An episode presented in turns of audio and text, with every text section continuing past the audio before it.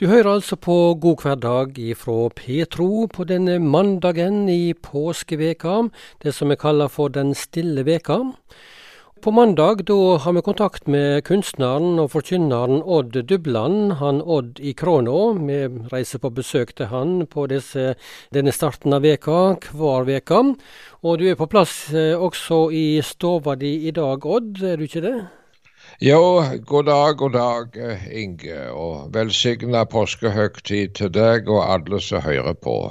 Jeg sitter i krona mi her på Ålgård, jeg, i stua mi med noen øreklokker på meg og en mikrofon framfor meg, så jeg kan snakke med deg, Inge, på noe som heter Skype. Det er liksom litt bedre eller telefon, det, er det ikke det? Jo, det er det. Det er nesten som at du er i studio her hos meg, vet du. Ja, faktisk talt er det det. Men Odd, eh, nå er det påske. Mange reiser til fjells i påsken. Har du hatt en tradisjon på den slags, eller? Nei, det kan jeg trygt si. At jeg aldri har vært noen eh, mann som har vært glad i ski og påske på den måten, altså. Men eh, fra min ungdom av, og jeg ble med i misjonsarbeidet, så var hver eneste påske var det til å reise på påskemøte. Eh, på forskjellige plasser da. Det var alltid fast å være der på påskemøtene og lede dem og tale der og være med der. Ja. Har du tallet på hvor mange påskemøter du har vært på? Nei, det har jeg absolutt ikke. Men uh, jeg kan tenke meg iallfall 50. Men hvordan har det vært å være taler på påskemøter? Har det vært litt eh, utenom, utenom det vante, på en måte? Nei, jeg kan ikke si det, men du vet at uh, selve høgtida innbyr jo til at vi snakker om det som skjedde i påsken. Uh, så det må vi fokusere på spesielt. Og uh, det må vi gjøre på radioen òg, vet du. Og det skal vi gjøre i dag, Odd. Og eh, vi skal stanse for Jesus og disiplene hans rundt påske og det som hendte der. Eh, hva visste de om det? For han snakket jo litt eh, før sin lidelse og død om hva som skulle hende. Ja, Jesus han sa det flere ganger til sine læresveiner at han skulle lia og dø. Og da var det f.eks. en gang at Peter, en av apostlene da, Peter, Simon Peter, han tok Jesus til sides og begynte å formane han og si at det hjelper deg, det må nå aldri skje at Jesus skulle dø. Det var helt meningsløst. En død Messias, det gikk ikke an. Og på, nå feirte vi nettopp eh, palmesøndag i går. Og eh, da var folket i Jerusalem De gikk til møtes med Jesus. Han kom riende inn på et esel. Og det var palmegreiner, så de vifta med folket, og de la teppet på marsja. Og nå kommer kongen. Og de hylla han.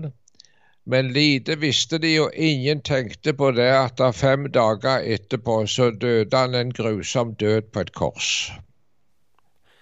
Men, men disiplene til Jesus eh, som hadde vandra sammen med han, skjønte ikke de dette her egentlig? Nei, de forsto ingenting av det. For nå hadde de satsa alt på han, disse læresveinene hans. De hadde gått ifra farm og fartøy, som vi sier, ved Genesaretsjøen. De hadde fulgt han i tre år. De bekjente offentlig at han er Messias, den levende Guds sønn. Og så skjer dette for de forferdelige at han blir drept i Jerusalem, han som var Israels konge og Messias. Og ingen av oss kan egentlig forstå den forvirring og fortvilelse og åndelig mørke som seig ned over den flokk som var Jesu venner de, den dagen der, når Jesus døde. Det var liksom så utenkelig at dette kunne skje, for det, det var ikke en konge som døde, det var ikke en stor profet som døde bare. Det, det var han som skulle forløse Israel. Det var han som var frelseren, og så dør han. Og det var helt ufattelig. Men så er det jo også det at det var en annen ting som var like store overraskelse. Ja, Hva tenker du på da? Ja, det er det at uh, kvinnene kommer til Jesu grav på første påskedag, og de finner ikke Jesus. Og så møter de han. Maria, Magdal uh, Maria Magdalena møter Jesus. Og de får høre et rykte, disse læresveinene, at han er stått opp. De har møtt han, men selv det var så ufattelig at det var mest ingen av de som trodde på det. Og de trodde at kvinnene i grunnen snakket i villelse. Snakket over seg, som vi sier. Men så er det at det, det var f.eks. to av disse Jesu læresveiner som gikk på veien ut mot en by som heter Emmaus. Eh, og, og, da var det at den oppstandende frelser Jesus Kristus, han slo følge med dem. Um, og, men de kjente han ikke. Det står skrevet der at øynene der ble halne igjen. Og så spør han dem hva er det går å snakke om. Og da stoppet de og så bedrøva ut. Og så sier den ene det at, at du må visst være den eneste fremmede i Jerusalem som ikke vet hva som har hendt. Altså Det tyder på det at hele folket i Jerusalem de snakket om det som hadde skjedd, dette forferdelige med Jesus. Det var et alminnelig samtaleemne, og folket var i sjokk. Hele folket var det. Og så er det disse to da som går til Emmaus. Og Jesus han spør hva det snakker om. Ja, du må visst være den eneste som ikke vet det, sa de til han. Og så det, du Inge, det er så merkelig.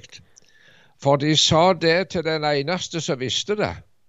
Ja, det kan du virkelig si, altså. Ja, Og sjøl visste de det ikke. Ja, ja. Nei. Og da er det at de kommer fram, og så, ja, da er det at Jesus begynner å forklare ut ifra Bibelen at det var nødvendig, det som kom til å skje med Jesus, at han skulle lide og dø. Og, øh, og så de kommer fram til øh, der de bor.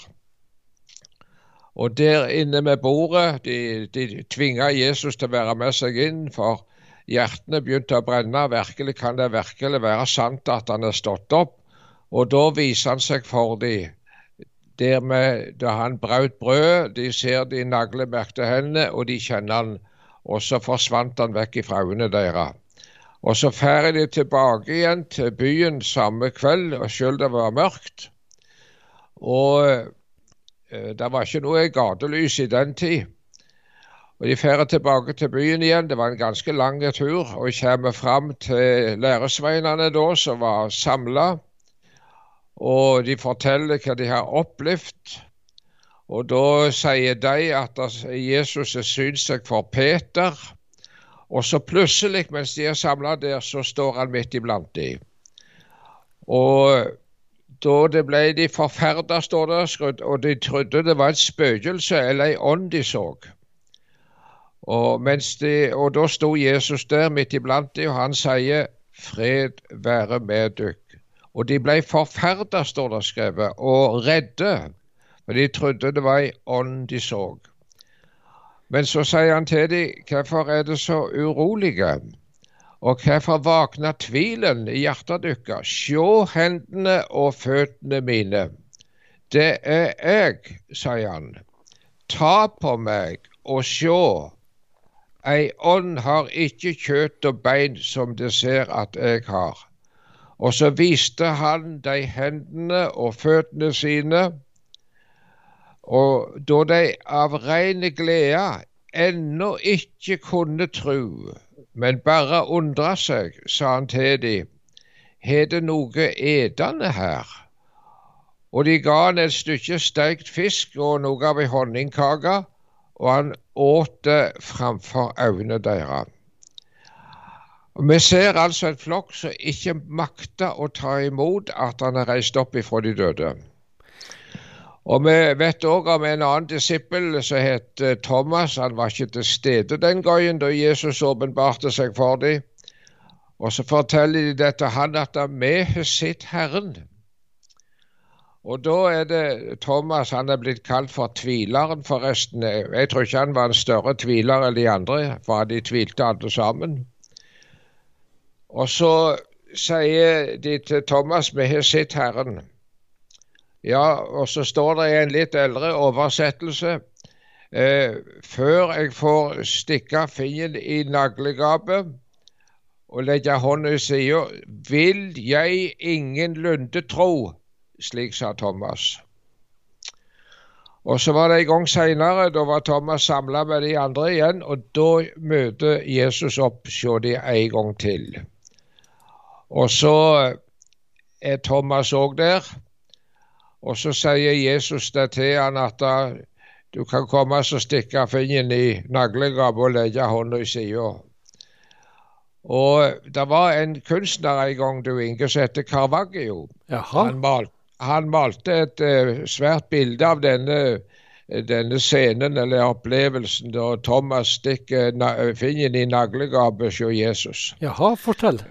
Ja, Carvaggio var en fantastisk dyktig maler, men det her bomma han aldeles. For jeg tror ikke det at Thomas rørte Jesus i det hele tatt.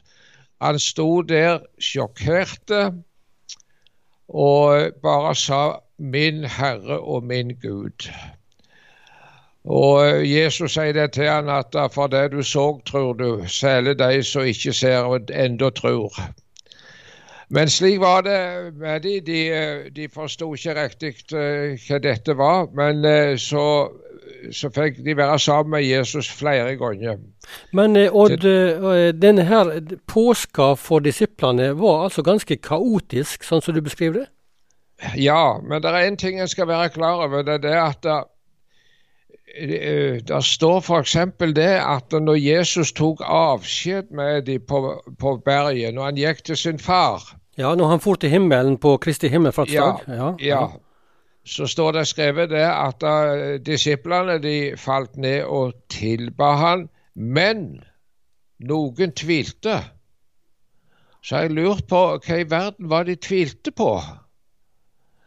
For jeg tror ikke de tvilte på det at Jesus hadde stått opp ifra de døde, for de kunne se han, de kunne snakke med han, de kunne ta på han. Men hvor er det blitt av riket for Israel? Det var det de trodde han skulle rette, opprette. Og her er Herodes ennå på plass, og Pilatus er der, og de romerske soldatene er der, akkurat som før. Det er ikke noe nytt. De forventa en Messias som skulle forandre hele Israels politiske situasjon. Og dette forsto de ikke. Men det som Gud har tenkt, det er noe annet enn å opprette et fredens rike i Midtøsten. Og der står skrevet det i profeten Esaias. Det er for lite at du er min tjener til å reise opp at Jakob Jakobs stammer og føre tilbake de som er av, av Israel. Jeg gir deg til et lys for folkeslaga, så frelsa mi kan nå til enden av jorda. Altså, Jesus var ikke kommet først for å opprette et rike på den måten, men han gikk inn i det store problemet. Det er å frelse oss ifra våre synder. Og han er det Guds lam som tar på seg straffen for all verdens synd. Og hans frelse den skal nå til enden av jorda, leser vi her ifra profeten Esaias. Det, det, var litt av det. Ja, og la meg si det at det var først når Den hellige ånd ble utgitt pinsedagen, at læresveinene begynte å fatte litt mer av det som egentlig Jesus var kommet for. Men eh, denne historien om tvil og ikke forstå hva som skjedde, og kaotisk og mange tanker og følelser rundt dette her for disiplene, hva kan det lære oss å leve i dag? Ja, hva kan det lære oss, altså?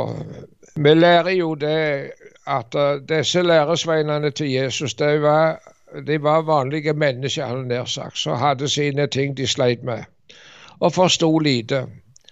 Og vi òg forstår lite. Det gjør vi. Men vi har hørt Guds ord, og vi skal ta imot det vi har fått. Og jeg er, jeg er så glad for det at vi har fått hørt evangeliet. Og jeg tenker på det at jeg fikk høre det når jeg vokste opp som gutt hjemme og gikk på møte, på kristne møte, fikk meg kristne venner. Og Jesus han ble en frelser for meg. Og hans frelse skal nå til verdens ende, står det skrevet. Og da vi som bor Ja, la meg si det slik, du, Inge. Hva hadde det hjulpet oss her oppe i det kalde nord om Israel hadde blitt stort, at det var det som var hans oppgave først og fremst? Nei, hans frelse skal nå til verdens ende, og det er syndsforlatelse og evig liv som blir gitt til alle de som tror på Han. Han er det Guds lam som tar på seg skylden for all verdens synd. Det var litt av de tankene jeg har gitt meg til i dag, du Inge.